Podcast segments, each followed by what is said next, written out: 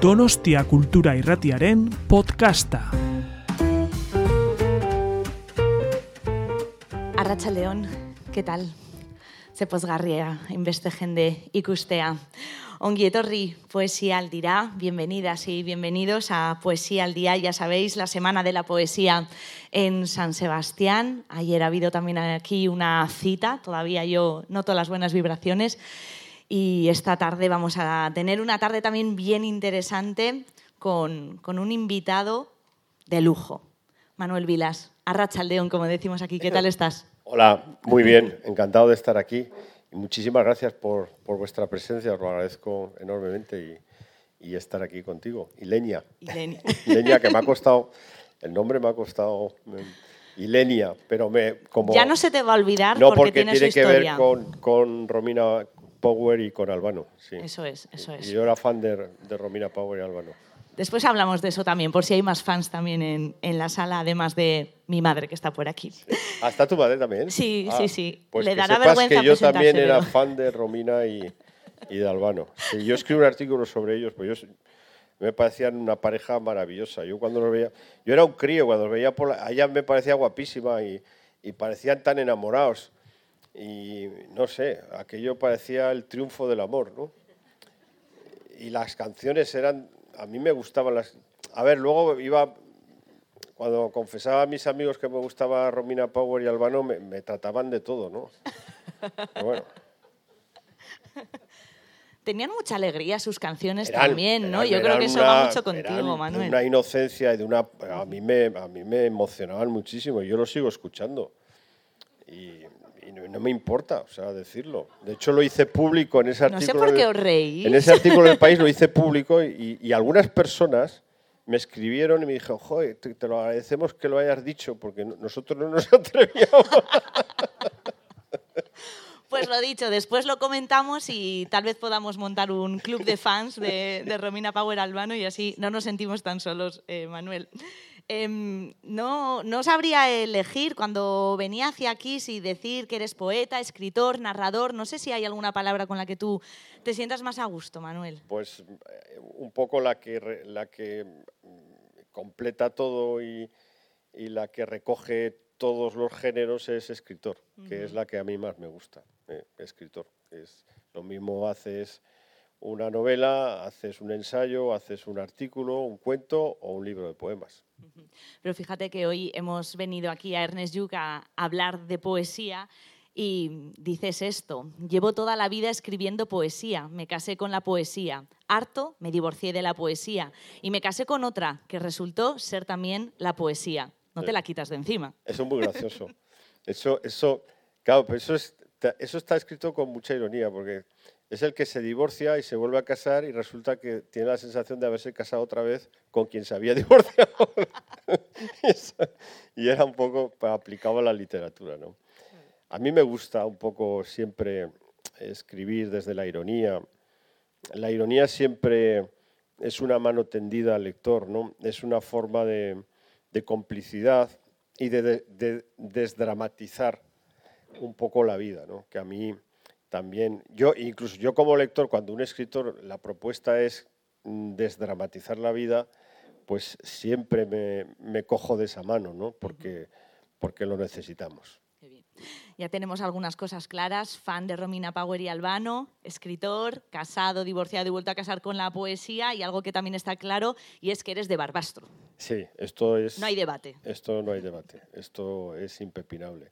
Uno es de, de donde nace y construye sus, sus, sus afectos y, y- y- y donde, de- y- donde está hasta que cumple los 18 años. ¿no? Porque yo a los 18 años me fui de Barbastro, eh, pero mi vida ya se había construido en Barbastro. Y mis padres, que para mí han sido siempre eh, el faro y la explicación última de mi existencia, pues eran, sobre todo mi padre, era profundamente de Barbastro. Mi padre estaba prácticamente, no sé, tenía un idilio permanente con, con su pueblo, ¿no?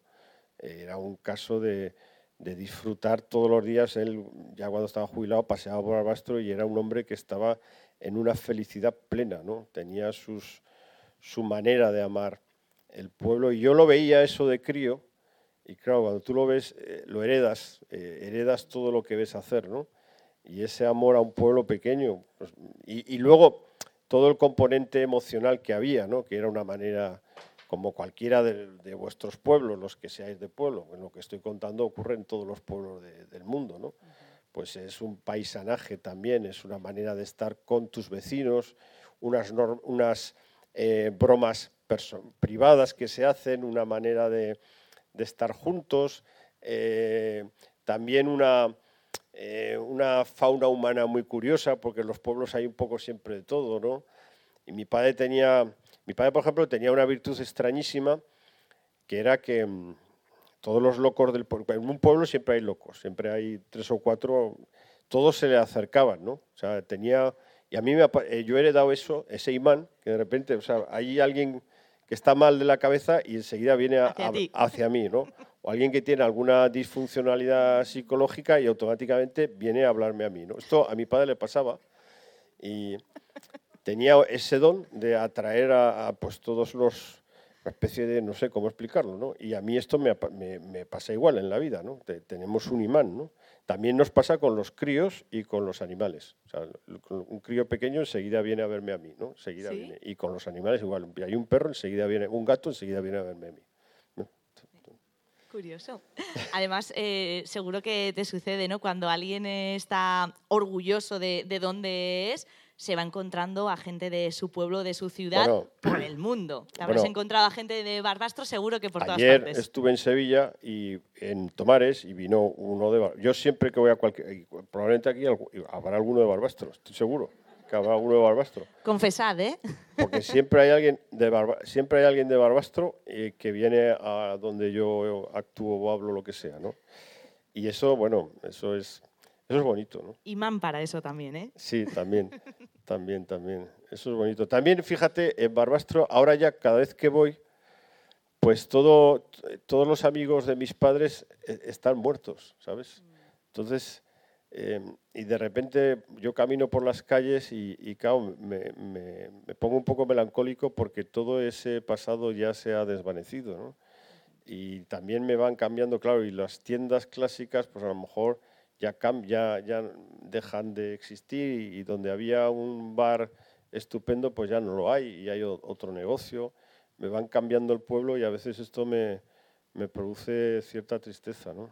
Pero bueno del paso del tiempo también tendremos eh, un ratito para, para, hablar, pero sí que quería también contaros que, aunque estemos aquí para hablar de, tu poesía, Manuel, pues seguro que también le conocéis por, por las novelas que, que, ha publicado, Aire Nuestro, Los Inmortales, la muy celebrada Ordesa y hace nada nosotros, que, que espero que también tengáis en, en, la mesilla o que ya la hayáis leído. Después ha hecho cosas tan originales como recopilar sus estados de Facebook en Listen to Me, a mí es un libro que me gusta mucho, y escribió una crónica sobre Lou Reed en, en España. Y según veníamos hacia aquí y le, le contábamos a, a, Manuel que el centro Ernest Lluch está justo debajo de, de lo que es Anoeta. Y qué bonita coincidencia, lo mismo que encontrarse a alguien de Barbastro, es que el primer concierto de Lou Reed lo, viste aquí en Donosti, Manuel. Yo estaba estudiando en Zaragoza, eh, en, la Facultad de Filosofía y Letras, y en la tienda de discos donde yo iba, pues apareció la, el anuncio de que Lou Reed venía a cantar al velódromo de Anoeta de San Sebastián y esta tienda de discos, que ya no existe, por cierto, una tienda de discos de vinilos, eh, organizaba un viaje para ir en autobús desde Zaragoza a San Sebastián, eh, pagabas el viaje y la entrada y luego cuando terminaba el concierto volvíamos otra vez a, Zaragoza y yo me apunté enseguida, claro, yo para, mí eso fue, estaba yo, en fin, emocionadísimo y, aquí fue en el velódromo de Anoeta cuando vi por primera vez a Lou ¿no? Y esto fue en diciembre del año 84 y tengo la entrada que costaba 1.500 pesetas. ¿no? Creo son las 1.500 pesetas que he pagado con, con, con menos, mm, em, con menos pena. ¿no? ¿Qué, recuerdas del concierto, Manuel? Del concierto recuerdo... Hay una cosa que es que esto tiene que ver con la... A ver, yo, empecé a escuchar a cuando tenía 12 años y yo de repente creí que Lou solo me hablaba a mí. Entonces, Entonces, cuando llegué a Noeta y vi que había Más gente. 10.000 personas que creían lo mismo que yo, pues entonces esto me entonces- Un punto de desilusión. Claro, claro.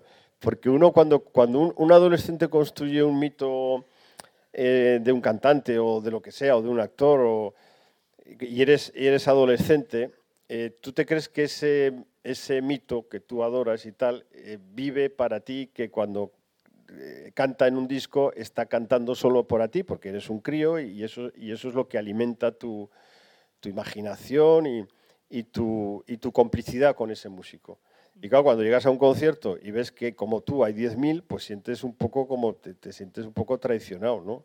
Y entonces me cabreó un poco eso, ¿no? Porque y ver que, y que había gente que sabía más cosas que yo de, y que tenían, y no sé, y gente, había mucho fan, ¿no? Y con alguno, y vi las tiendas que había ahí también, se vendían el merchandising este, y, y hablé con alguno y tal, y, y vi que había mucha, muchos fans que, que además tenían, tenían más recorrido, digamos, en la mitología de Lurriz que yo, ¿no? Con lo cual eso me, me puso melancólico. Pero bueno, luego me fui a primera fila y lo vi desde de cerca y tal, ¿no? Bueno, yo era un joven entonces, ¿no? Eh, y luego, luego, luego eh, que es un poco lo que yo he escrito en Lurriz era español, luego eh, he seguido, seguí viéndolo en distintas ciudades a lo largo de todos los años y ese libro que yo escribí eh, es un libro en realidad sobre la muerte de Lurriz, que es lo que ocurre cuando yo veo la muerte de Lurriz en octubre del, del 2013. Pues eso, el rock había construido una mitología que era parecía que era que la juventud era eterna. Está la gran mitología del rock and roll, era una celebración de la juventud interminable, que de hecho en los, pues sigue, sigue estando ese mito allí. Los Rolling Stones, por ejemplo, siguen, a pesar de que tienen, son octogenarios, siguen en esta celebración, incluso Bob Dylan, que también, y bueno, pues los que van quedando, o Bruce Springsteen, siguen metidos en esa idea de que es una juventud interminable, y, y adecúan sus iconografías y sus formas de estar. en- Bueno, pues Mick Jagger sigue saltando como si tuviese 20 años, y, tiene, tiene un cuero cabelludo espectacular. Eh, yo estoy convencido de que toda la pasta que tienen se la gastan en universidades americanas, en departamentos de geriatría avanzada, en donde, en donde, claro, yo he pensado muchas veces, digo, ¿esta gente en qué se gasta la pasta? ¿no? Pa- tú, yo qué sé, miles de millones que debe tener Mick Jagger, ¿no? ¿En, dónde- do- ¿En qué se la va a gastar? Pues yo creo que se la debe gastar en eso. Deben tener a un departamento de geriatría o a cinco geriatras expertos en su cuerpo y entonces son los que le hacen los implantes, los que si le va mal el riñón pues le ponen un emplaste o lo que sea y están especializados en ese cuerpo y, y bueno, y, y- y me parece que es una de las maneras mejores de gastarse el dinero ya en, en ese momento. Eh, ah, bueno, entonces, ¿a qué iba yo? Ah, bueno, entonces muere Lurriz Sí. y claro, se, se desploma esta idea de, de- y cuando murió David Bowie también, que eran los grandes eh, héroes de la música popular anglosajona y que, y que colonizaron Europa y colonizaron este país también, ¿no? Colonizaron toda Europa y siguen colonizando. La, la gran colonización estadounidense es cultural, es más cultural que otra cosa. Y, entonces yo, al, ver que los héroes del rock and roll morían, pues me puse también melancólico y pensé que allí había un libro, ¿no? Y, claro, yo eh, cada vez que venía Lurriz a España yo iba a verlo, ¿no? Siempre iba a verlo.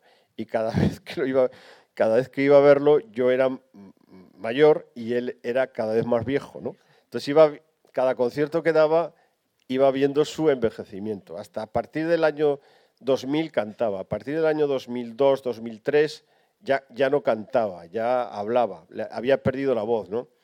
Yo iba sufriendo mucho porque iba viendo su decadencia, ¿no?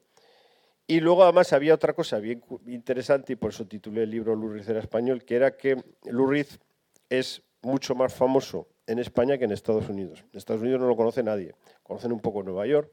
Yo, yo he vivido cuatro años en Estados Unidos y, y di clases en una universidad y siempre les preguntaba a mis alumnos, siempre hacía estas encuestas, ¿quién conoce a Lurriz? Y na- nadie levantaba la mano. ¿quién conoce a Bob Dylan? Todo el mundo levantaba la mano. ¿Quién conoce a, a Bruce Springsteen? Todo el mundo levantaba. ¿Quién conoce a Elvis Presley? Todo el mundo. A mm, Johnny Cash, todo el mundo. Pero a Lurriz no lo conocía nadie. ¿no?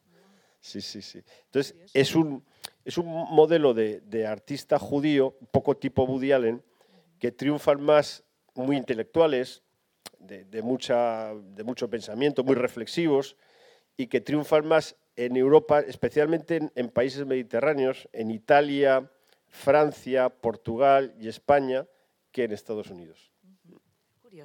Pues Reed también está en tus, en tus poemas, en tu poesía, por supuesto, y como os decía, nos, nos hemos juntado para, para hablar de tu poesía, Manuel, también porque dices que es el trabajo de mi vida, porque vivir es un trabajo, ha sido ella, la poesía, toda la vida intentando ver poesía por todas partes, porque si no sentía poesía por todas partes, no sabía vivir. Así que intuyo que es a lo que más tiempo le has dedicado, Manuel, en la vida, a vivir y a la vez a la poesía, poesía, vivir.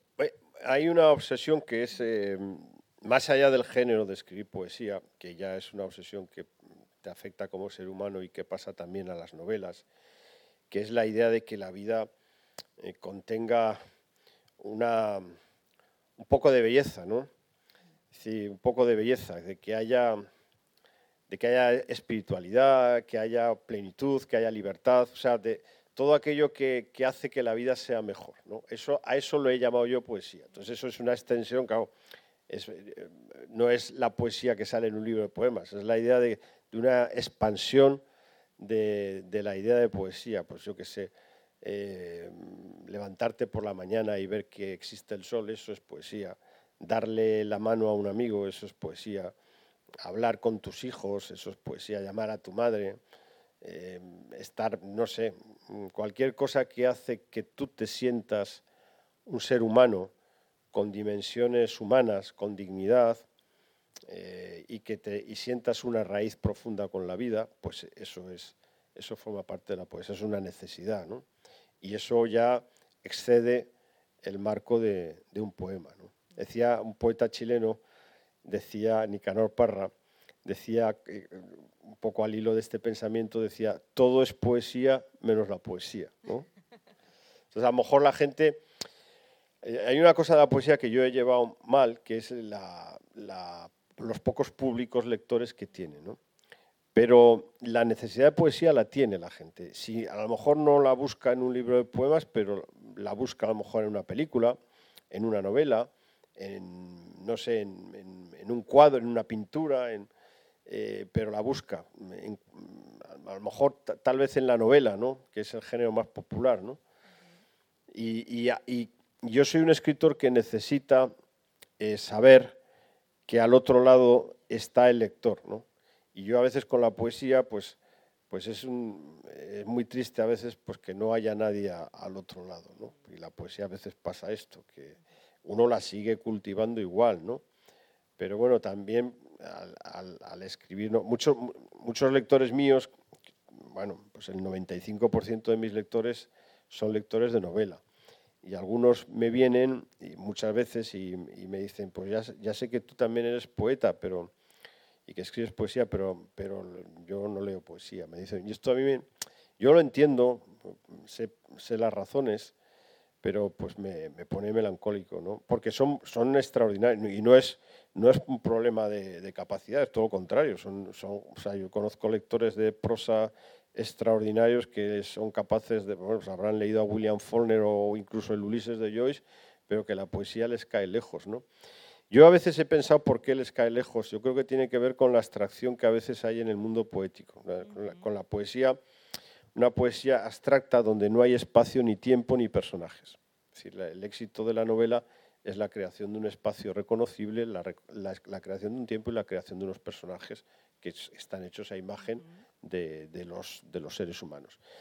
Al no haber esto en la poesía, la gente pues eh, lo echa, le falta. Y entonces lo que yo he hecho, lo que sí yo he hecho ha sido poner en mi poesía, mi poesía es muy narrativa, mi poesía en, real, en realidad está, está pensada para ser una poesía popular, porque tiene espacio, tiene tiempo, tiene personajes, tiene ironía y, luego es súper coloquial. Es una poesía absolutamente coloquial que rehuye las metáforas complejas y todo este tipo de, todo este tipo de, adornos de la poesía que por antonomasia pues están fuera, no entran en mi poesía. Además es que justo hablando de, esa necesidad de poesía para, para vivir y, hablando ¿no? de la falta de, personajes, pues eso no pasa en, una sola vida, que, así has titulado a, este libro que reúne muchísimos poemas tuyos, eh, Manuel, y porque aquí hay un personaje claro y eres tú. Yo, pero pero hay un montón de gente. Salen, Efectivamente. O sea, hay, pues, sale, yo qué sé, hay ciudades, hay bares, hay eh, coches, hay... camareros, nadadores nocturnos. Hay camareros, hay nadadores nocturnos, hay... O sea, o sea, por 19 euros que vale el libro, o sea, me, parece que es como una enciclopedia, vamos. Yo creo que es una buena compra, ¿eh? porque me parece que, que te llevas un montón de cosas por 19 euros. ¿eh? Esto esto hay que pensarlo, ¿eh? Vamos, vamos a seguir con ese convencimiento, me, gusta, Manuel, porque esto es verdad que es eh, algo así como una autobiografía poética, mm. porque ha reunido muchos poemas que seguramente eh, ya, conoceréis. Y está la familia, mi familia. Tu familia, efectivamente. Muchos poemas que ya conocéis, hay inéditos y hay poemas que has reescrito, así que tienen algo así como, bueno, pues una, una ropa nueva, Manuel. Hay, hay poemas inéditos, algunos de juventud que los he reescrito y luego hay una ordenación muy eh, original, que es que son los siete días de la semana y cada día de la semana tiene un contenido temático.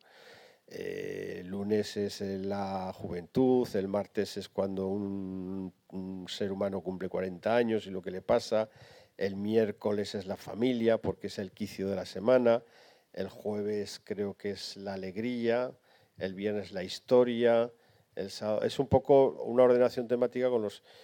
Yo pensé, digo, bueno, pues eh, pensé en el lector, digo, un lector que abre el libro y dice, a ver, ¿qué día es hoy? Jueves. Vamos a, leer un poema, del de, un poema de Vilas del jueves, ¿no? Y, era un poco una especie de algo lúdico, de, también de, de, complicidad con el lector, ¿no?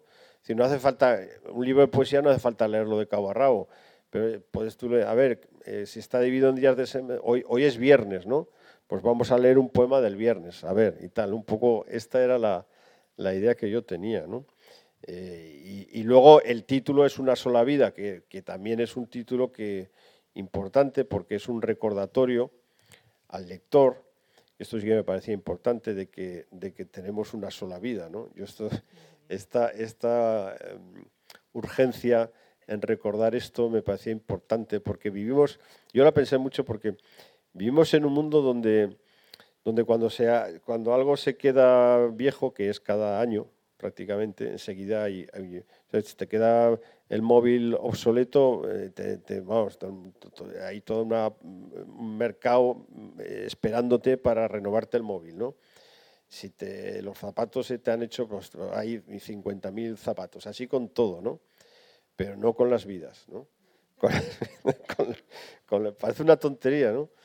Pero tuvo, yo qué sé, un señor, una señora con 85 años, yo qué sé, entra en un hospital y le dan una mala noticia horrible y no le dicen, pero no se preocupe usted, que hay una, tenemos una vida, que le vamos a dar otra vida nueva, porque como, una, como si hubiera un, recambio, ¿no? La idea del recambio en el capitalismo es muy feroz, ¿no? O sea, todo tiene recambio menos lo más importante que es tu vida, que no tiene ningún recambio. Y por eso pensé que ese era que el título de una sola vida tenía esa, esa, idea, esa, transmitirle al lector que solo hay una vida y por tanto aquello, aquello que no vayas a vivir en esta vida se quedará sin vivir. Además, es que es un libro que está lleno de, pasiones grandes y, pequeñas, de esas que, es que te invitan a vivir, te dan ganas de, de hasta de cenar en un McDonald's, Manuel. Sí, sí, sí, sí. ¿De verdad? Sí, es que yo tengo un poema dedicado a McDonald's. ¿Cómo? Es que es el primero. Sí, este, este, es un poema... Bueno, toda mi poesía es una... y mi literatura, eh, narrativa y poesía, es una celebración. Esto es una obsesión para mí. Es una celebración de la vida. para mí, la vida es un don maravilloso. Todos los que estamos aquí eh, somos depositarios de ese maravilloso don heredado de nuestro padre y de nuestra madre. Por eso en mi poesía y en mi narrativa siempre eh, la figura del padre y de la madre eh, son de una importancia trascendental, ¿no? porque tú heredas el misterio y el don de estar vivo de tu padre y de tu madre. La manera la manera en que tú vas a estar eh, a la altura de ese don que recibes de tu padre y de tu madre es disfrutando de la vida. Decir, ¿cómo homenajeas tú a tu padre y a tu madre que te trajeron a este mundo? Eh, disfrutando de la vida. O sea, ¿qué, qué, haría que tu padre y tu madre, si te, los míos ya están muertos, pero si te vieran, ¿qué es lo que les daría a ellos, qué les honraría más sino verte a ti en una celebración continua del regalo que te hicieron? Por tanto, esto para mí es muy importante y por eso toda mi literatura, aunque tenga, lógicamente, pues, tiene sus zonas de sombra, porque la vida las tiene, pero domina siempre una celebración de la vida, una, exaltación del gozo de vivir, también una celebración del misterio de la vida, porque es un misterio, no sabemos muy bien por qué estamos vivos. Eh, y, yo lo que intento es explorar ese misterio a través de las palabras, ¿no? Y todo lo cuanto veo en la vida, pues evidentemente puede ser dicho en un poema incluido en McDonald's. Cuando ese poema se publicó en McDonald's, em, algunos críticos dijeron que ese poema, y yo, esto, esto, me parece alucinante, que era un himno al capitalismo. Y, y pasó lo siguiente, eh, yo vivía entonces en Zaragoza y eh, el periodista de Zaragoza, Antón Castro, eh, que le gustaba el poema, él llevaba en ese momento un programa de televisión. Y, dijo, vamos a un programa de, cultura. dice, vamos a hacer un programa donde vas a leer el poema McDonald's dentro del McDonald's que citas en el poema, del McDonald's de la Plaza de España de Zaragoza. Entonces, lógicamente, para leer el poema de McDonald's en McDonald's, pues tuvo que llamar a McDonald's para pedir permiso. Y McDonald's leyó el poema y dijo que no, que ese poema no se leía. que, ese poema no se leía, no se leía en, el McDonald's de esto. Y, luego, tengo, es que tengo un anecdotario muy interesante. Luego yo fui a, Marruecos a una esta, ¿cómo se llama? La capital. No, a la capital no, a. Me sale ahora A Casablanca. Fui a Casablanca. Y en Casablanca fui a un colegio español de Casablanca. Y en el curso más alto, en el segundo bachillerato, pues había una actividad de escritores españoles y tal. Y yo les leí este poema. Eh, y un chaval marroquí levantó la mano y, estaba, y se cabreó con el poema porque él decía que él era muy feliz en McDonald's y que se lo pasaba muy bien en McDonald's con sus amigos y que en ese poema McDonald's salía muy mal parado. ¿no? Entonces, hay una comedia en el mundo, ¿no? una comedia ideológica. A veces nos tomamos las ideologías de una manera muy solemne, y muy, pero en, el fondo hay, hay, una comedia, ¿no? que de repente eh, en Marruecos, pues, pues un país pues, con su contexto sociocultural y socioreligioso determinado, eh, haya alguien que le parezca mal que hables de un McDonald's, que es el símbolo mm, más sólido de la cultura del capitalismo y de, la presencia estadounidense en el mundo, pues es llamativo. Por otra parte, McDonald's creo que tiene 150.000 eh, restaurantes, por todo el mundo. O sea, proliferaron. Luego, en Zaragoza aparecieron en los años, a finales de los 80 apareció el primer McDonald's en Zaragoza, en la Plaza de España. Entonces, claro, yo fui allí y, probé, mi primer McDonald's, ¿no? Y yo, yo tonto del todo, no, medio tonto soy, pero no del todo, ¿no? Yo dije, coño, esta gente, claro, porque la, idea que yo tenía del bocadillo, la idea que tenía un español del bocadillo era, era de una simplicidad brutal, que era un pan, una barra de pan abierta y dentro chorizo, o queso. Jamón, O sea, bueno, había una mi, padre, que era hombre avanzado, eh, ya le, y que había visto que eso lo hacían en Cataluña, ya le ponía pan con tomate y eso era una mejora importantísimo. ¿no? Pero de ahí, del pan con tomate, a, tener un pan específico eh, con ketchup, con, pepino, con bacon, con queso, con eh, la, hamburguesa, toda esta sofisticación y la, o lechuga O sea, yo cuando vi que un bocadillo podía tener lechuga, ahora, ahora está, todo el mundo da por hecho que, que en un bocadillo hay lechuga, pero en la España de los años 80, pensar que en un bocadillo iba a haber lechuga, esto era, era, era una herejía, o sea, esto, era inconcebible, porque la lechuga no tenía nada que ver con el pan. una ensalada, claro. claro. entonces, bueno, pues el mundo de... Bueno, pues, y luego hay otra cosa fundamental, que yo empecé a viajar eh, a finales de los 80 y claro, yo iba, yo qué sé, iba, iba a París y claro, yo no tenía un duro. Y digo, ¿y dónde como yo ahora? Y claro, tú mirabas los restaurantes franceses parisinos y eran todos carísimos. ¿Dónde ibas a comer? Joder, ¿dónde, eran los más ¿Dónde, ¿Dónde te alimentabas y era barato? Que sabías seguro que era barato. En el McDonald's. El McDonald's. Yo de joven iba por ahí, bueno, ya os sigo yendo, hombre, cuando, no, cuando no lo veo claro me voy a McDonald's y ya está. O sea, cuando veo que me piden ahí mucha pasta por no sé qué, me voy a McDonald's y me arreglo perfectamente. Voy a leer el poema. Sí, por favor. Por favor. ¿A que os está entrando hambre? El poema, tiene, el poema tiene un recuerdo de, Porque a mí siempre me ha gustado pues, tratar a lo mejor estos temas así de la, de la modernidad. Eh, tiene un recuerdo de, de, unos versos de Juan Ramón Jiménez, de un poema de, que escribió Juan Ramón Jiménez. A mí me ha gustado siempre Juan Ramón Jiménez. Poema que escribió de Diario de un poeta recién casado de, de su estancia en Nueva York que es un poema que se titula La rosa y el negro, que es que él está en, el metro de Nueva York y ve a un negro que lleva una rosa roja en una mano y esto le parece pues una especie de misticismo dentro de, ese mundo tan inhumano como es el metro. ¿no? Eh, este poema, por otra parte, ya os digo, porque bueno, pues es, a día de hoy este poema tiene más de 20 años, pues evidentemente tiene cosas políticamente incorrectas, pero bueno, ¿qué le vamos a hacer? Adelante. McDonald's.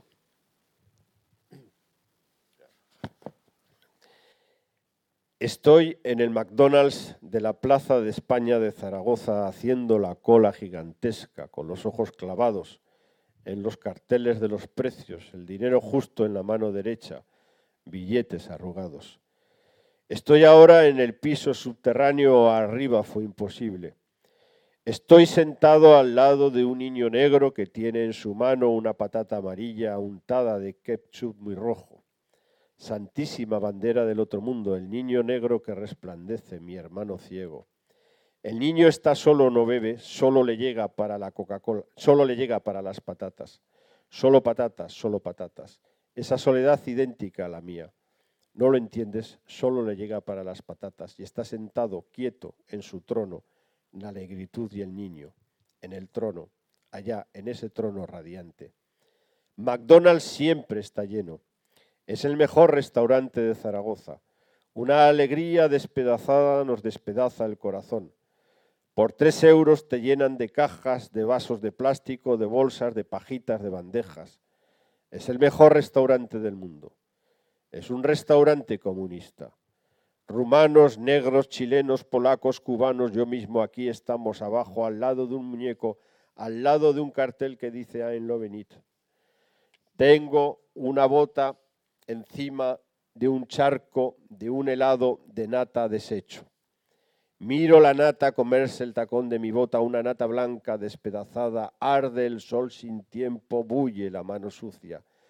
A mi lado una niña de 20 años le dice a un tío de 17 que no le importaría hacérselo con él, con él, con él, un eco negro. Y ríen y tragan patatas fritas. Y yo trago patatas fritas.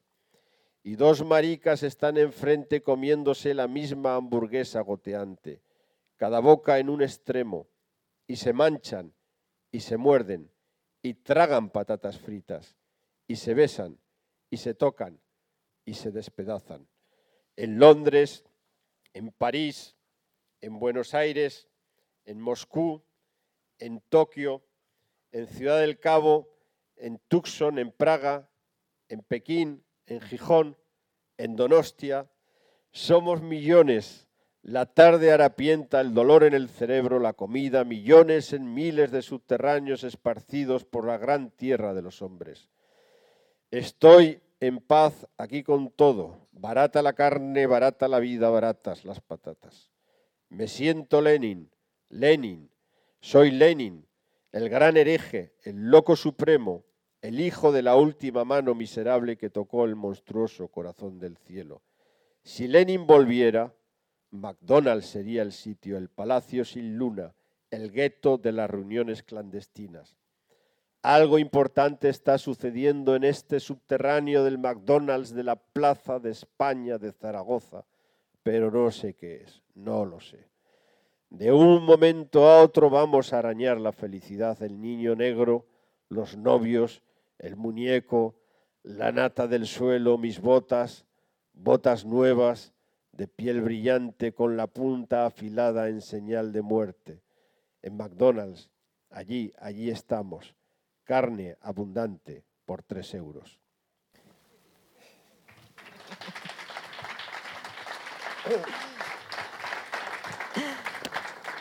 Yo creo que con este, escuchándote leer el, poema, Manuel, me, me, he acordado como alguna vez te he escuchado decir que, que hacías poesía a pie de vida que, es eh, donde estás, lo que ves, y yo creo que además aquí en, una sola vida está clarísimo, ¿no? Cómo, cómo, retratas lo que estás viendo, cuentas lo que estás viviendo, esos pensamientos que, te puedan surgir en, el momento.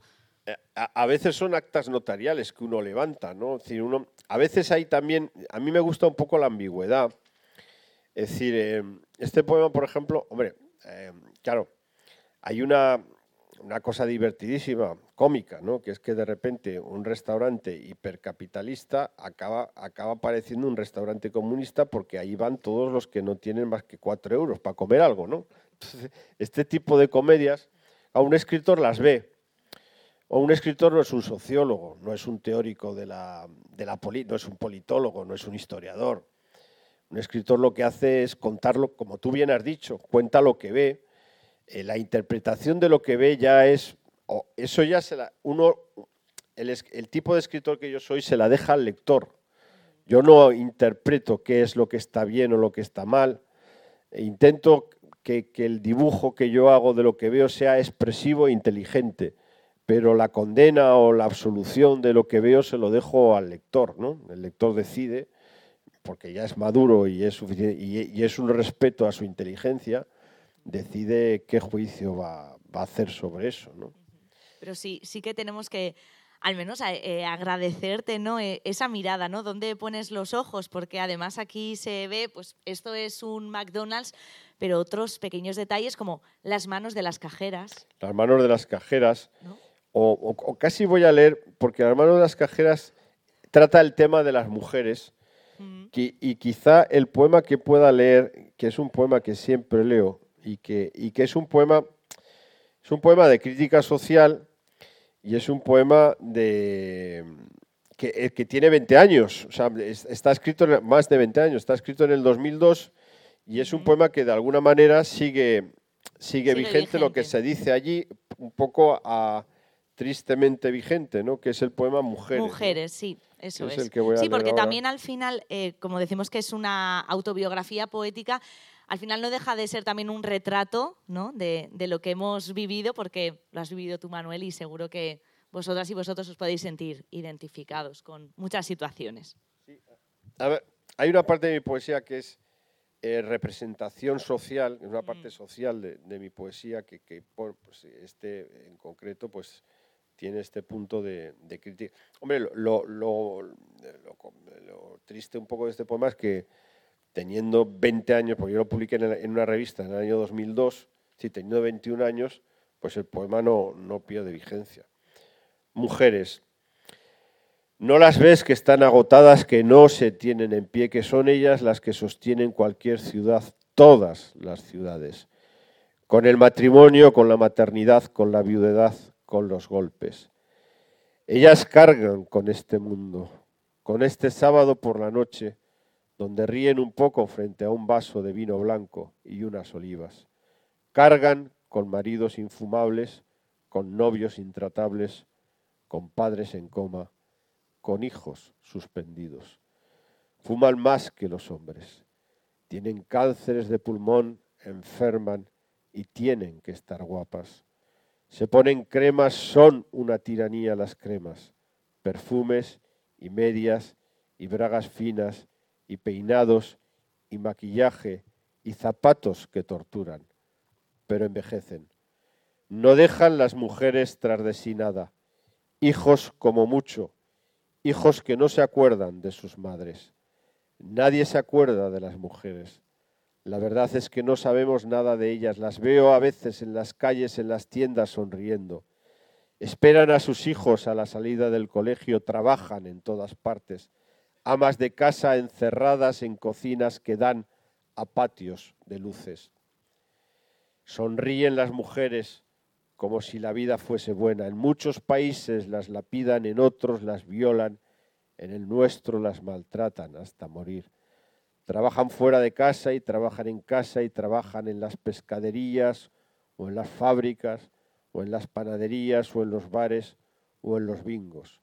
No sabemos en qué piensan cuando mueren a manos de los hombres.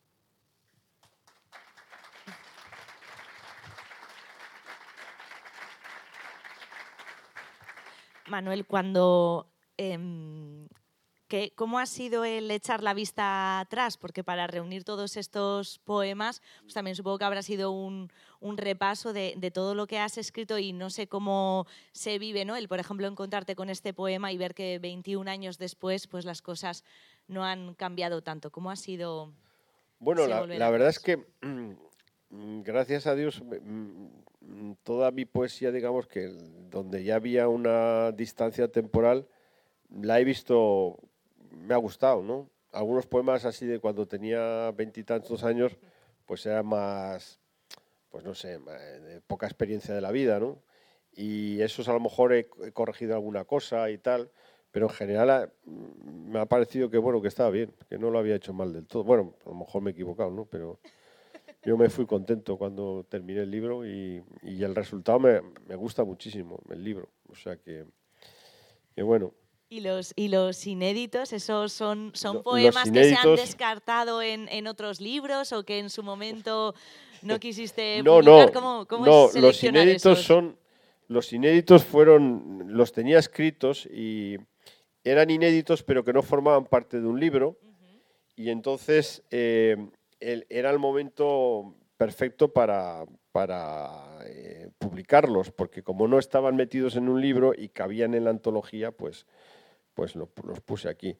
Hay, uno que me gusta, hay, hay uno que es, voy a leer un, inédito que me gusta. Sí, uno que te haya hecho ilusión decir, pues qué buen momento para sacarlo del cajón, ¿no? Que seguro que un poeta como tú tiene, tiene mucho guardado. Hay una cosa, yo, yo hay una cosa que, que esto, explicar esto es un poco, ah, yo, yo cuando veo un camarero o una camarera, pues soy feliz. O sea, porque pienso que ahí ha triunfado la civilización.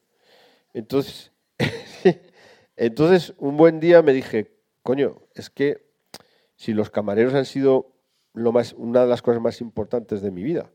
Entonces escribí un himno a los, y esto es, este reciente, y voy a leeros eh, Camareros de la Tierra, que es un himno a los camareros de la Tierra porque para mí han hecho más por mí que, mucha otra gente que se supone que tendría que haber hecho cosas por mí. Pero bueno, Camareros de la Tierra. Venga. Y este, este es un poema inédito.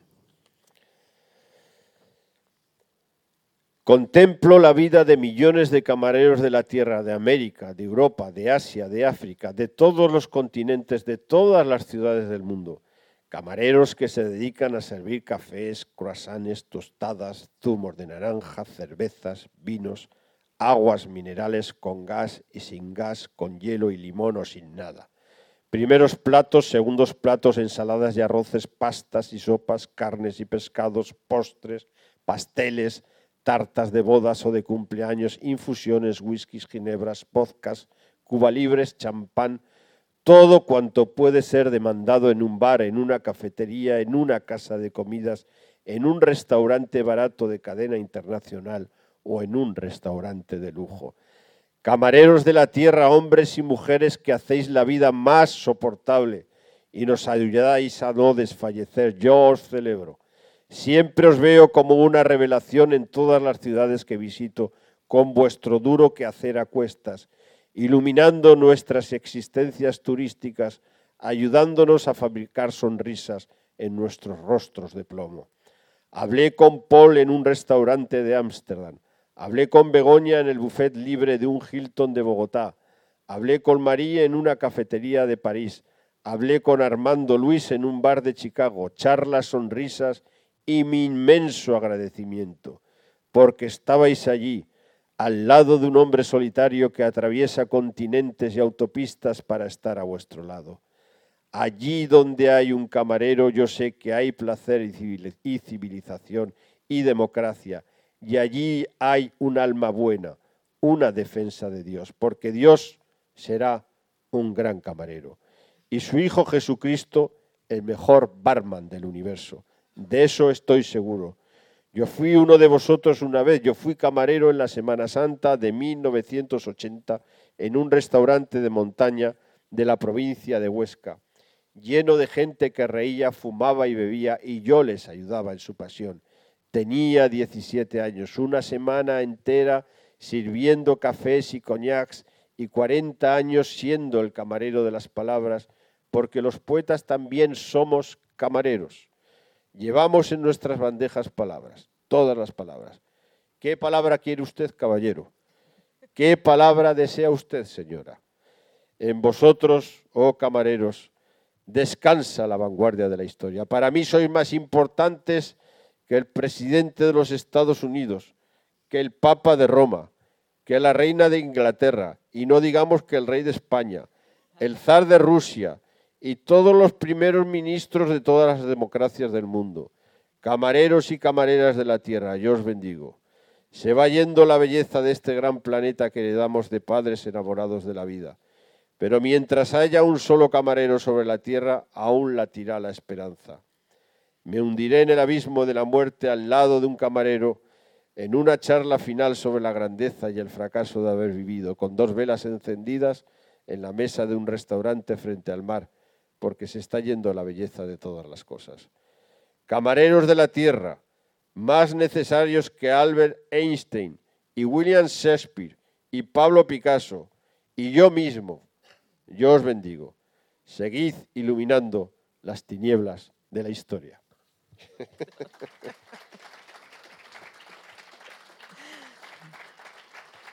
Manuel, Em, ahora en, este poema que has mencionado a, Shakespeare, es verdad que hay muchos escritores y, Mm. escritoras en, ese, en ese libro y curiosamente es que yo, yo tenía anotado el que mm, les preguntas o les dices lo siguiente, ahora hablando de camareros, me da pena que no haya grandes alcoholizados entre los genios literarios de España, Azorín, Baroja, Machado, Lorca, Unamuno, ¿por qué no bebisteis más? Sí, claro. en la tradición de, de la literatura española eh, eh, no hay muchos alcohólicos. En, los americanos, pues yo qué sé, están llenos de alcohólicos. Scott Fitzgerald, William Faulkner, Hemingway, mm, eh, Jack Kerouac.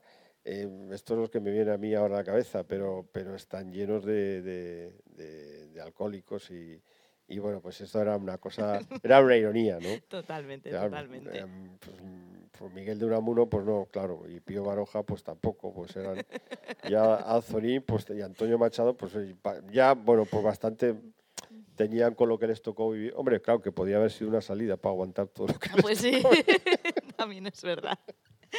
Y Manuel, em, qué importantes eh, los camareros, como nos acabas de leer, pero también, bueno, supongo que si habéis leído Ordesa, tal vez intuís el porqué, pero los coches también, qué importantes en tu biografía. Fíjate, los camareros, el McDonald's y los coches, madre mía. Bueno, es un combo perfecto, pero... No tengo futuro. Que no, ¿Qué cantidad de coches aparecen en, pues en este libro? ¿Cuántas, ¿Cuántas marcas, cuántos Pues un montón, un montón. Y porque, a ver, esto tiene una explicación, todo en realidad tiene una explicación familiar.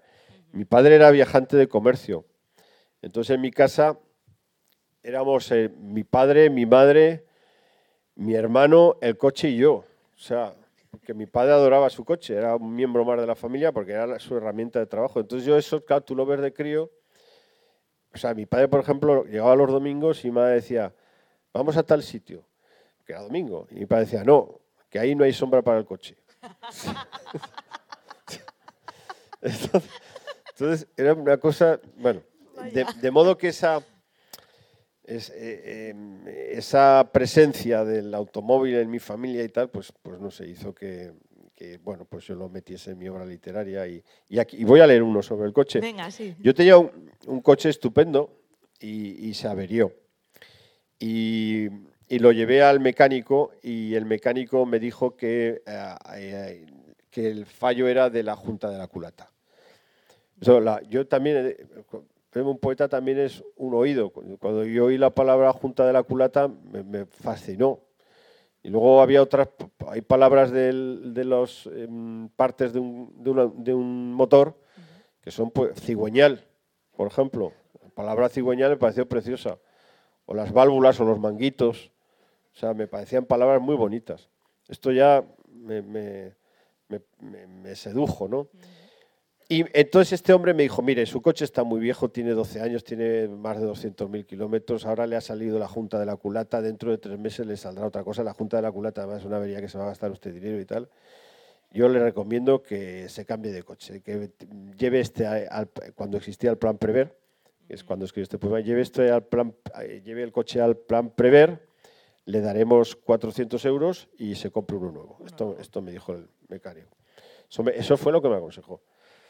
Entonces me fui a mi casa un poco así mohino, un poco entristecido, porque yo tenía una. yo, que con, con, mis coches desarrollo, desarrollo, una relación de amistad. Y, y, a los 15 días de esta noticia, eh, mi perro, con el que yo llevaba viviendo 14 años, enfermó, enfermó gravemente. Y lo llevé al, al veterinario. Y el veterinario me dijo, su perro tiene un cáncer de hígado galopante. Dice, pero brutal. Dice, lo podemos operar.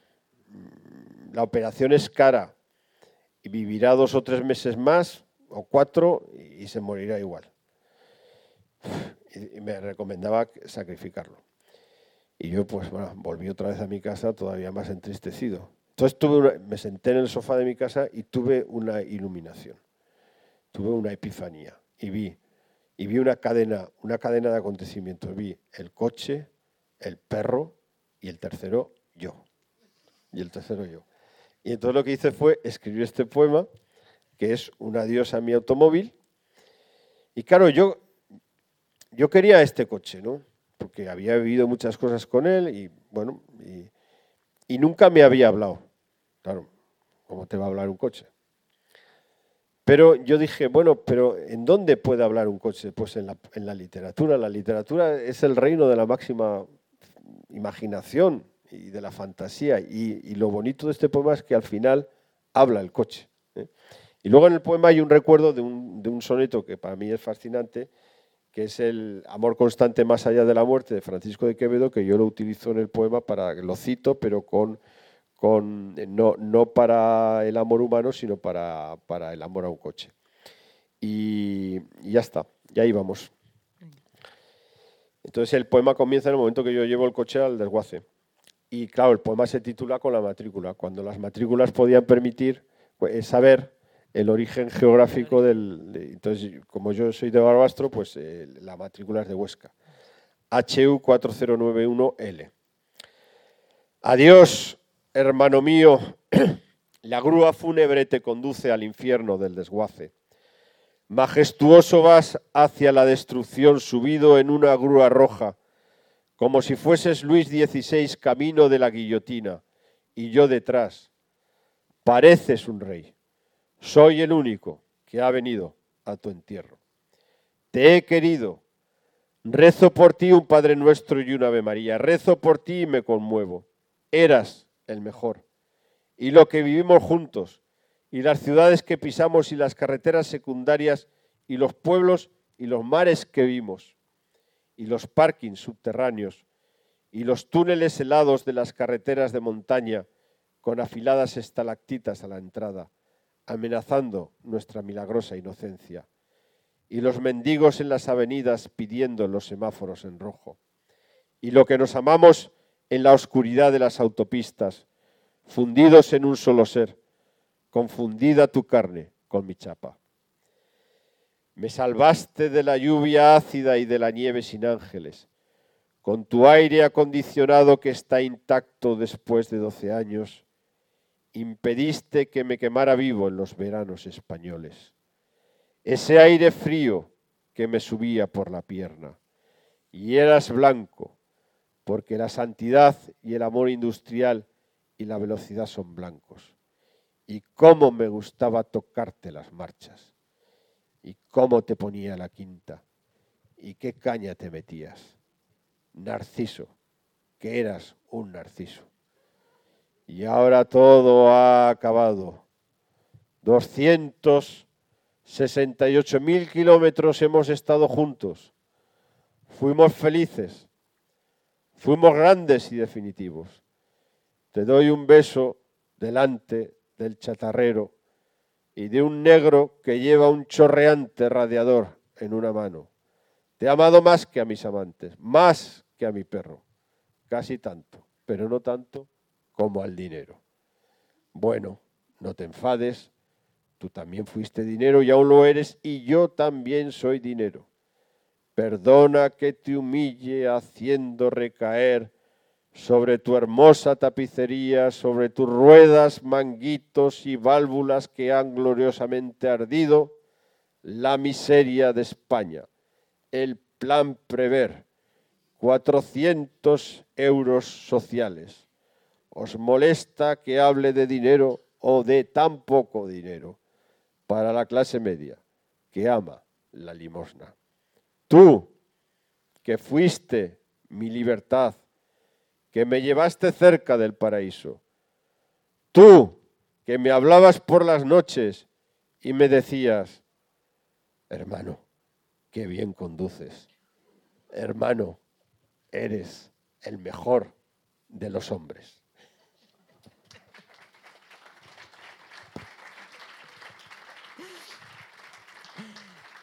Es verdad, Manuel, que hay un... Eh, o sea, yo no sé si se me oye bien con este micrófono. ¿Se oye bien? Sí, sí, Que tengo la sensación de que no se oye bien. No, se oye perfecto. Es que como veo que está encendido la luz roja... No, es como muy unidireccional. pero el tuyo tiene la luz verde será para diferenciarlos. Pues se te está escuchando perfecto, no te preocupes. Pero eh, ahí en, un poema eh, dices algo así como, porque aparecen muchas eh, ciudades, además de Barbastro, está Nueva York, está Roma, y hay un momento que dices que para recordar dónde has estado tienes que recordar a quién has llamado o algo así, recordar a quién has llamado en ese lugar y así lo recuerdas pero creo que también eh, la biografía de, cada una se puede hacer a través de los coches, ¿no? Porque yo creo que la gente recuerda mucho cuando con 18 años tenía tal coche, cuando tal... O sea, en realidad los coches sí que son importantes la, la, vida. la, vida. de mi padre eh, son... Es, o sea, la biografía de mi padre son dos SEAT 600, un SEAT 850, un SEAT 124, un SEAT 1430 y un SEAT Málaga y ahí se acaba. Le fue fiel a España a través de la SEAT. A través de la SEAT. De hecho, mi tío en el año 70 y algo, el hermano de mi padre, se compró un 5200. Y cuando mi padre lo vio, le dijo, pero ¿por qué te has comprado un 5200 si no te tenías que haber comprado un SEAT, que es la marca nacional? O sea, le había parecido que era infiel a España por haberse comprado un 5200. Esto, esto es enternecedor. ¿no? Totalmente, totalmente. Enseguida quiero también eh, cederos la palabra por si queréis preguntarle algo a, Manuel o hacer alguna confesión, como que sois fans de Romina Power y, Albano y acompañarnos en, esta obsesión. Pero antes, eh, Manuel, sí que estás mencionando ahora a tu padre y bueno, y lo has dicho al principio también, ¿no? de la importancia de de los padres de tu padre y tu madre y justamente es que en el miércoles, en el eje de la semana, está la familia porque es ese epicentro ¿no? que, lo hace... Que ahí hay un poema terrible que no sé si leer porque es el, el poema dedicado a la muerte de mi madre, que es un poema que ya prevengo que si lo leo o, algo, mucha gente me dice que sale llorando, entonces no sé si es que es cierto que... No tengo ganas de aguaros la tarde. No, es conmovedor, ¿eh? pero es que es, lo que se va percibiendo ¿no? en, el, en el libro, esas luces y sombras que has comentado tú, que, tiene la vida y están en el libro, porque una sola vida tenía que tener luces y sombras, ¿no? Exactamente. Eh, esto a ver, lo, efectivamente, esto forma parte de la parte del drama de la vida, ¿no? Había una cosa que era eh, las llamadas telefónicas de mi madre. Mi madre me llamaba todos los días. me llamaba pues lo típico que te llama tu madre, pues para ver si has comido, si has comido bien, y si, si llueve, pues que cojas el paraguas. Eh, si estás bien, si tienes frío, si, vas a salir, pues abrígate. Y si vas a coger el coche, pues que conduzcas con mucho cuidado. Y, que cuando llegues a tal sitio la llames para saber que has llegado bien. ¿no? Todo esto. Y yo a veces, no, pues sabiendo que me llama para este tipo de cosas, pues no le cogía el teléfono. Y ya una vez me dijo, tú no me coges el teléfono, pues que sepas que tus hijos harán lo mismo contigo. Y esto, con el mayor no, pero con mi hijo el pequeño, bueno, es absolutamente de un... O sea, era me echó una maldición de cumplimiento milimétrico. O sea, efectivamente. O sea, es que entonces es como si veas la, vida como si fuese un círculo, ¿no? Si tú no, si tú no le coges el teléfono a tu madre, tus hijos no te cogerán a ti el teléfono. ¿no? Y funciona, o sea, se cumple, es un karma que se cumple. ¿Y tú ya le has echado la maldición a tu hijo? ¿Le has advertido que le va a pasar? Ya se lo he dicho y le pasará. Le pasará. Y entonces se acordará de mí. Se acordará con una intensidad bárbara. Totalmente. En él, fíjate, en el fondo a lo mejor son formas de, de volver a la vida, de cómo los muertos, a través de, su, de, tus, de tus muertos, la gente a la que tú has amado, vuelven a la vida a través de, este, de estos recovecos misteriosos. ¿no? Bueno, pero yo un día me pasó lo siguiente. Yo un día, ya que mi madre estaba mayor y estaba, pues en fin, bastante mal, un día me llamó y vi el número de teléfono en el móvil y dije, coño, este número eh, habrá un momento en que ya no eh, aparecerá más en mi teléfono móvil, ¿no? Y, a partir de ese momento ya, ya le cogía todo. Y bueno, y ella murió y entonces pues yo escribí este poema y, lo leo. un poema, es un poema muy, yo prevengo que es un poco duro. Voy a ver un poco de agua porque es un poema que hay que leerlo bien. Es de esos que, que conmueven, ¿eh? Pero no todo van a ser risas. Entonces el poema se titula con el número de teléfono de, mi casa, de mi, porque em, eh, nosotros tuvimos siempre el mismo número de teléfono. Esto era una cosa que a mí me traumatizaba mucho, porque en Barbastro, pues la gente, eh, las otras familias prosperaban y se iban de la casa esta donde vivíamos, y nosotros no prosperábamos nada, y siempre, claro, y amigos míos, ¿no? Que mi padre le han, le han destinado no sé dónde, y, porque había prosperado, y le cambiaban el número de teléfono. Y dice, no, te voy a dar mi nuevo número de teléfono y tal. Y yo siempre cargando con el mismo. que venía a simbolizar la nula prosperidad de mi familia porque desde, desde, que le dieron el número de teléfono en los años 60 no sabía, o sea, lo único que hizo, la única modificación que hubo fue cuando, cuando se incluyó el prefijo, que esto fue, yo creo que a final, a los 80, así, antes era solo el número sin prefijo y luego hubo el prefijo. Esta fue la única modificación en 50 años, ¿no?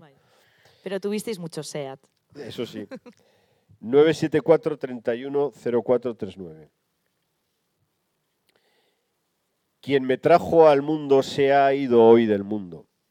Ella, que me llamaba a todas horas para saber de mí lo mal que la traté y lo mal que nos tratamos, aun queriéndonos tanto, y lo poco que supiste de mi vida en los últimos tiempos, ocultándote lo mal que me iba en mi matrimonio y en todas partes, y tú sabiéndolo, porque al fin todo lo sabías. Me veías beber esos licores fuertes, me veías esa sed tan rara, esa sed tan desconocida para ti que tanto te asustaba y tanto temías. Ya nadie me llamará tan obsesivamente para saber si estoy vivo. ¿Y a quién le importará si estoy vivo o muerto?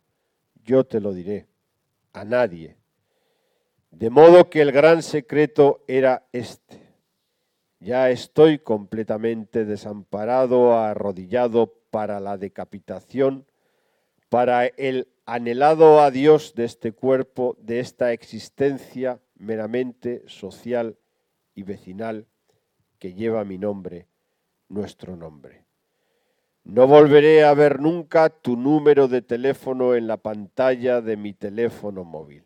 Tú que te quejabas de que no tenías uno, de que yo no te regalara uno, te juro que no hubieras sabido hacerlo funcionar. Lo habrías tirado por la ventana, como yo haré con el mío esta noche del supremo delirio, porque eras un número de teléfono. 50 años en, en ese número encerrados, 974 31 0439. Márcalo ahora, márcalo si tienes valor y te contestarán todos los misterios inconmensurables, el tiempo y la nada, la ira roja de los peores huracanes celestiales, la árida y blanca nada convertida en una mano negra.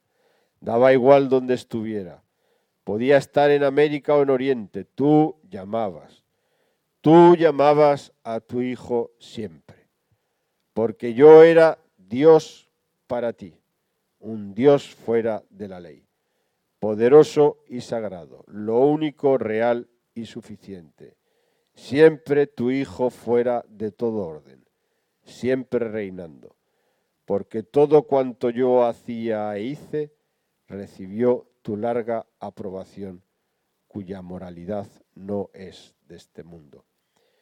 Tú que me amabas hasta la desesperación, tú que derramaste sangre por mí y por mi discutible y oscura vida, llena de liturgias cuyo sentido tú desconocías. Y hacías bien, pues nada había que conocer, como finalmente he acabado sabiendo, igualado en ese conocimiento al más sabio de los hombres. Y ahora otra vez camino del crematorio, como ya escribí en un poema con ese título, en el que hablaba de tu marido, mi padre, a quien también quemamos, unos mil grados alcanzan esos hornos. Mi gran padre, del que tú te enamoraste, vete a saber por qué, en 1959. ¿Y a quién demonios le importa ya sino a mí, el que siempre os quiso tanto? y os querrá hasta el último minuto del mundo. Te di un beso en la santa frente helada un domingo por la mañana de un 24 de mayo del año 2014, lloviendo, en una primavera inesperadamente fría, mientras una máquina sofisticada introducía tu caja barata, mira que somos pobres, en el fuego final al que mi hermano y yo te condujimos. Sentí tu frente antigua y acabada en mis labios antiguos y acabados, pero aún conscientes los míos, los tuyos, venturosamente no. Nunca pensé que el sentimiento final fuera este, la envidia que me diste, la codicia de tu muerte codiciando tu muerte, porque me dejabas aquí completamente solo por primera vez en nuestra larga historia de amor, y solo para siempre. Y recuerdo ahora a todas aquellas mujeres que querían acostarse conmigo, hacer el amor conmigo. Y eso acabó siendo mi vida cuando yo solo quería estar contigo para siempre. Vaya mamá, no sabía que te quería tanto. Tú sí que lo sabías porque siempre lo supiste todo. Qué bien que todo haya acabado.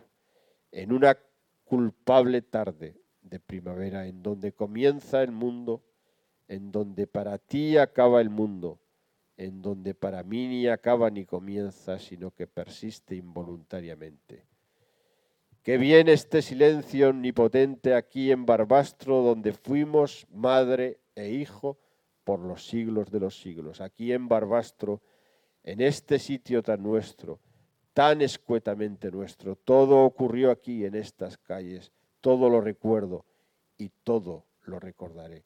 Te amo, finalmente. Como no he amado a nadie, todas fueron tu réplica. Ah, se me olvidaba Podías haber dejado algo para pagar tu entierro. No sabes lo mal que me va y lo pobre que soy. Mira que fuiste rota y derrochadora y lo que vale el ataúd más económico, como dicen ellos, los caballeros dulces de la funeraria. Mira que fuimos pobres y desgraciados tú y yo, en esta España de grandes hijos de puta enriquecidos hasta la abominación. Y aún así, pobres como ratas tú y yo, mantuvimos el tipo como dos enamorados. Qué bien, qué hermoso, cuánto te quiero o te quise, ya no sé, y a quién le importa. Desde luego no a la historia de España, nuestro país, si es que sabías cómo se llamaba la solemne nada histórica en que vivimos papá, tú y yo.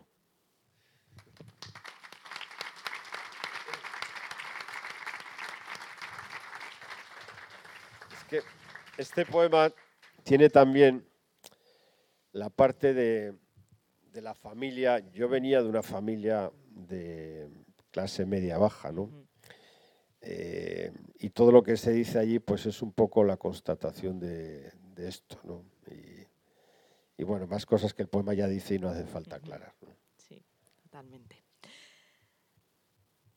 Si alguien quiere hacer alguna pregunta, algún comentario, pues... Animaos, hombre. Animaos, Estamos aquí en, en, una tertulia entre amigos y amigas. Eso es. Mira, qué bien. Allí y aquí. Eh, un segundito, eh, que os acerquen el micrófono para que todo el mundo pueda escuchar. Yo creo que Ros va a ir primero aquí y guardamos la de la segunda fila para después.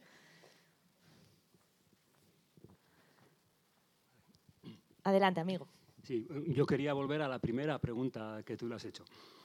En primer lugar, me declaro incondicional de, de Manuel Vilas. Muchas gracias. Del gran Vilas, o de, ¿cómo es? O de Mario Vidal. Bueno, eh, eh, con mi nombre he hecho todo tipo de experimentos. Pero bueno, eh, quería, es que le preguntaba si se sentía más poeta o escritor. Tal. El escritor es la respuesta previsible, ¿no? Pero es que yo creo que lo calificaría como poeta, casi en exclusiva, tanto en los libros eh, en, prosa como en poesía, con esa frase corta, frase directa, siempre provocativa, siempre. Pero yo te veo siempre como, como un poeta que da lo mismo lo que escribas o lo que o basta oírte hablar. Yo creo que eres poeta hasta, hasta, hasta la médula, ¿no? Entonces me parece que aunque no lo puedas, eh, no lo quieras decir expresamente, yo creo que en tu obra literaria, en todos tus libros, da igual, en los libros de poesía, que en magia, que en alegría, en ordesa, en las novelas quizá menos, siempre es un, son libros de poesía. Ah, por último, una, un comentario. ¿Es cierto que escribiste en Guecho o en el Puerto Viejo de Algorta el título del libro? Sí.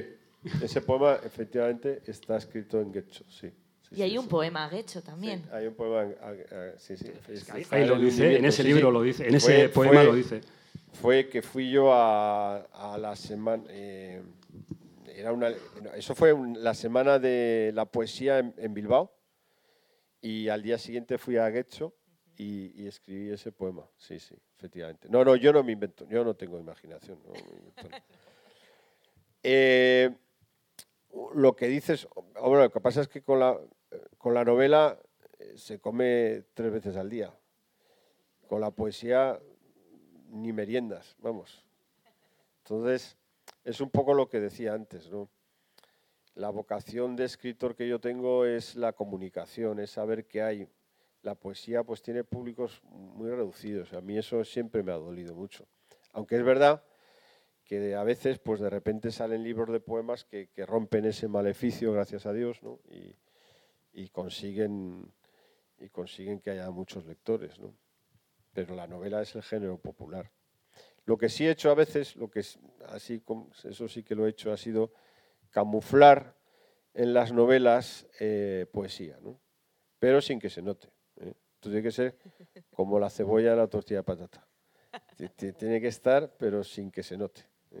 Entonces le da un sabor superior a esa tortilla de patata, esa cebolla, si no se nota.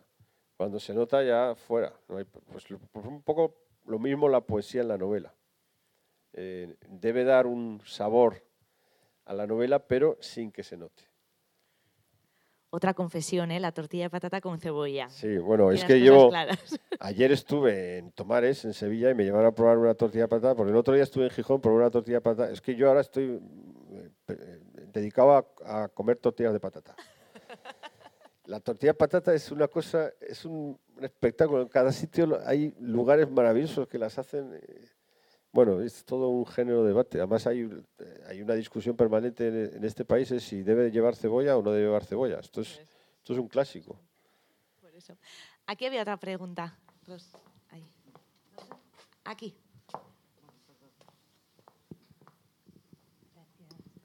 Hola. Eh, bueno, después de lo de la tortilla, esto va a parecer de nuevo un poco serio, pero bueno, me, me atrevo.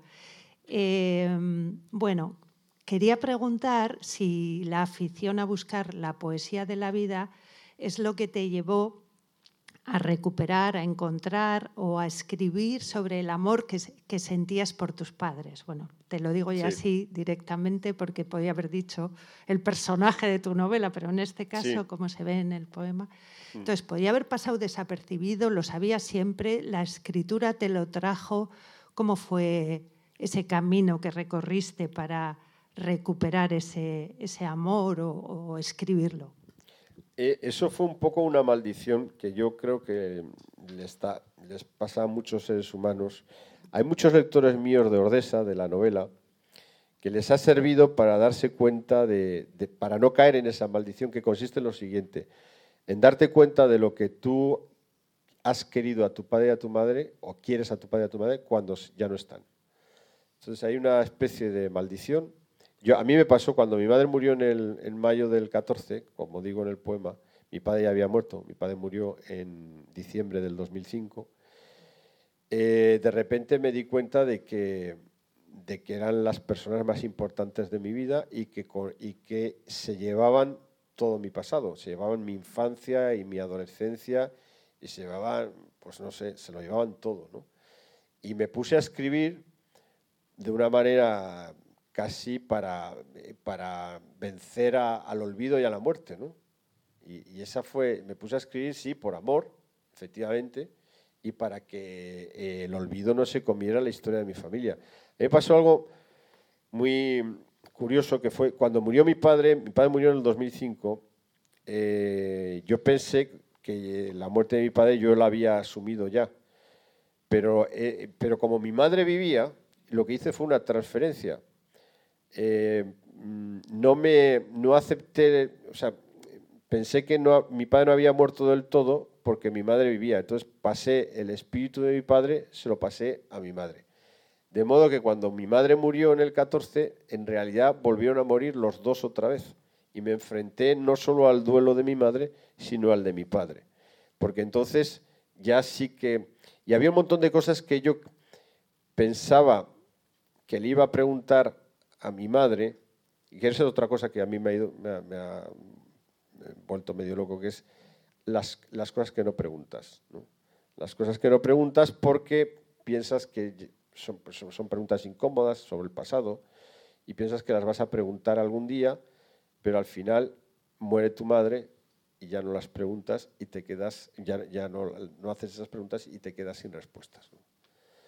Pero la, la importancia que en un ser humano tiene su padre y su madre, pues hay que, yo creo que hay que descubrirla en vida de ellos, ¿no? Eh, desgraciadamente muchas veces esto no ocurre. Yo por eso escribí esa novela, Ordesa, ¿no? Precisamente por eso. Y por eso he escrito muchas cosas sobre, sobre este tema, ¿no? Y luego sobre la fuerza, en una casa atávica y, y primitiva, que es la fuerza de la herencia. Esto es una cosa salvaje. O sea, lo que tú has visto hacer a tu padre y a tu madre, eh, lo repites, incluso, claro, pues tú, yo qué sé, eh, tienes una educación y ya vives en otro momento social, histórico y moral, y hay cosas de tu padre y de tu madre que tú las puedes desmontar porque, por tu cultura, tu racionalidad y tal, y aunque sepas que, que lo que viste hacer pues no tiene sentido, pues tú lo sigues haciendo igual, ¿no? Pese a que tu racionalidad pues te podía decir esto no tiene sentido que lo hagas, ¿no? Yo creo que esas cosas las haces como en una liturgia. Haces cosas que tuviste hacer a tu padre y a tu madre porque cuando las haces entras en, comunicación con ellos.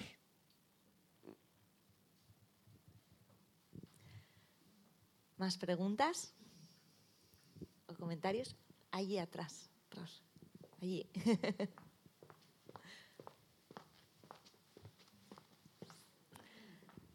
Adelante. Hola Manuel, Eh, al principio de la charla comentabas como de adolescente cuando sentías como que Lou Red te cantaba a ti. No sé si has sentido lo mismo con algún poeta o con, alguna, con algún poema en particular. Y como escritor, cuando escribes poesía, ¿escribes para ese público pequeño que has comentado más una vez o escribe uno para sí mismo?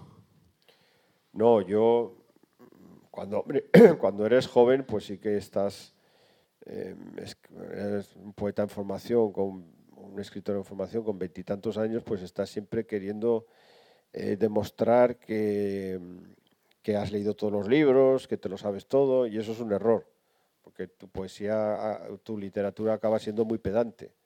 Eh, cuando, lo- esto, pues cuando ya vas cumpliendo años te vas dando cuenta que tú tienes que escribir los libros que a ti te tocan escribir y que las lecturas que has hecho, pues, pues sí, son formativas, pero lo que no tiene sentido es que tú imites a los escritores que te gustan.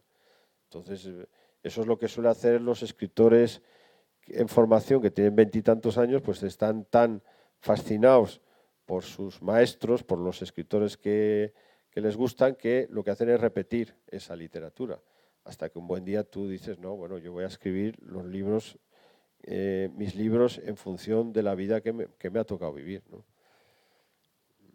Y, poetas que sí, yo he leído muchos escritores que, hombre, cuando eres, eh, la- los primeros contactos con la poesía, cuando tienes 15 o 16 años, también tienes la sensación de que, yo por ejemplo leí a un poeta que, me sigue encantando, que es Jaime Gil de Viedma, lo leí con 15 o 16 años y también tenía esa sensación de que, de que me hablaba solo para mí. ¿no? Y, y eso, eso es muy bonito, eh, porque luego es- esa sensación de intimidad con un, con un poeta, pero eso se, se- la, he- la he mantenido. Yo a veces lo releo y tengo esa sensación de que, de que me habla solo a mí. ¿no? ¿Más? Atrás del todo. Vamos allá. Aquí, en estos momentos, os voy a decir una cosa, se sufre mucho, porque, claro, si la gente no pregunta, pues te quedas, Bueno, han levantado la mano bastante rápido. ¿eh, te, quedas, te quedas con una sensación de decir, yo comprendo, porque yo también he estado como público y, pues, y ahora hay que preguntar, pues no me apetece preguntar nada, pero claro, se agradece muchísimo de verdad que te pregunten. Sí. Muy bien, gracias. Eh, antes han, han hablado o han preguntado si había alguien de Barbastro. Sí. Yo no soy de Barbastro. Estuve a punto de trabajar en Barbastro. Trabajé en Monzón, Bueno, el pueblo está de al lado. lado, Sí, y eh, como eh, a veces dormía en Monzón o dormía en la ciudad de Huesca, con lo cual atravesaba Ba- Barbastro tres, cuatro veces por semana, por la mañana y por la tarde, con lo cual acabé conociendo bastante bien ese- esa ciudad.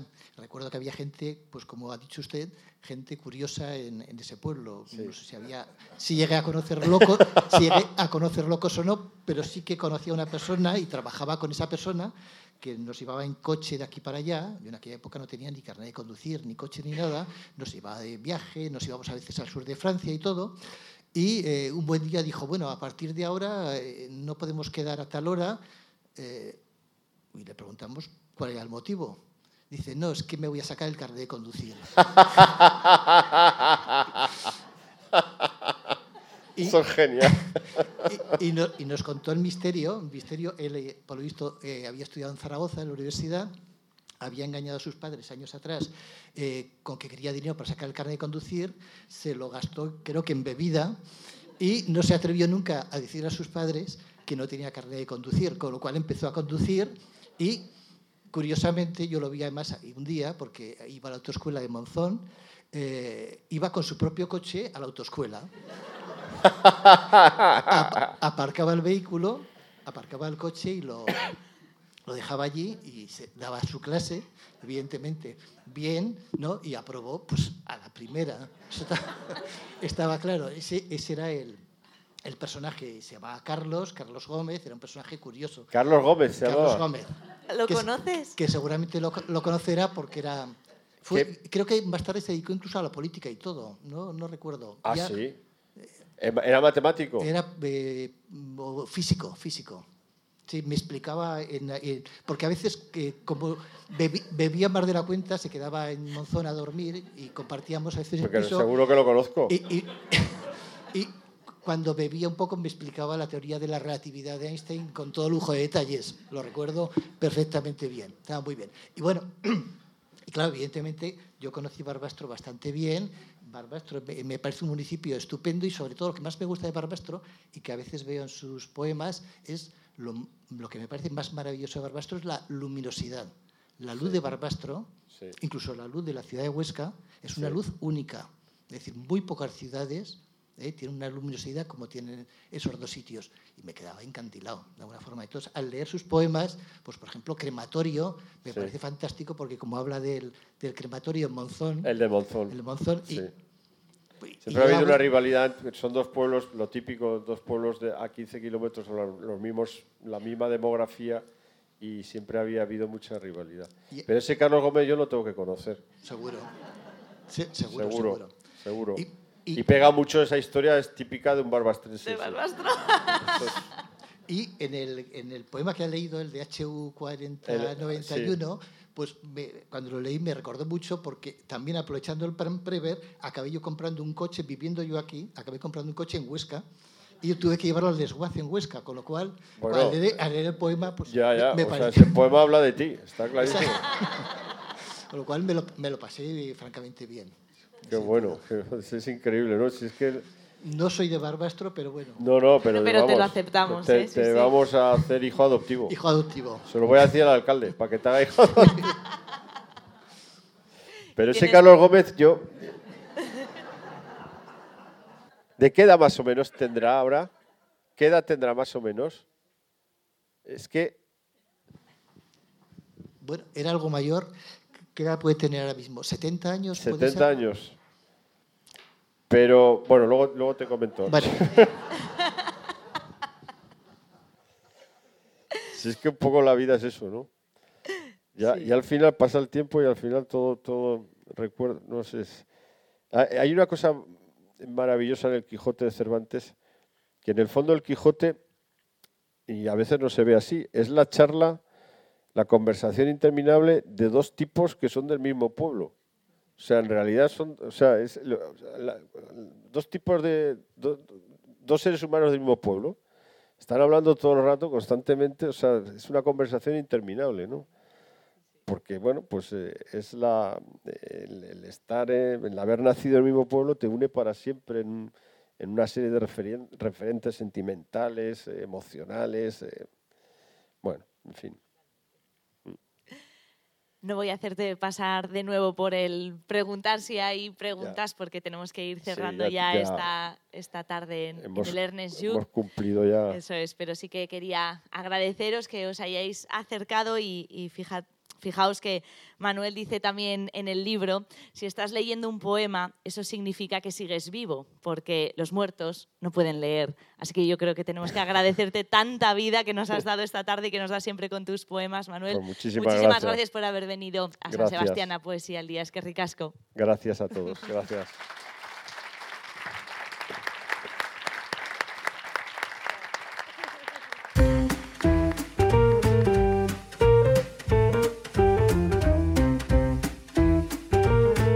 Donostia Kultura Irratiaren podcasta.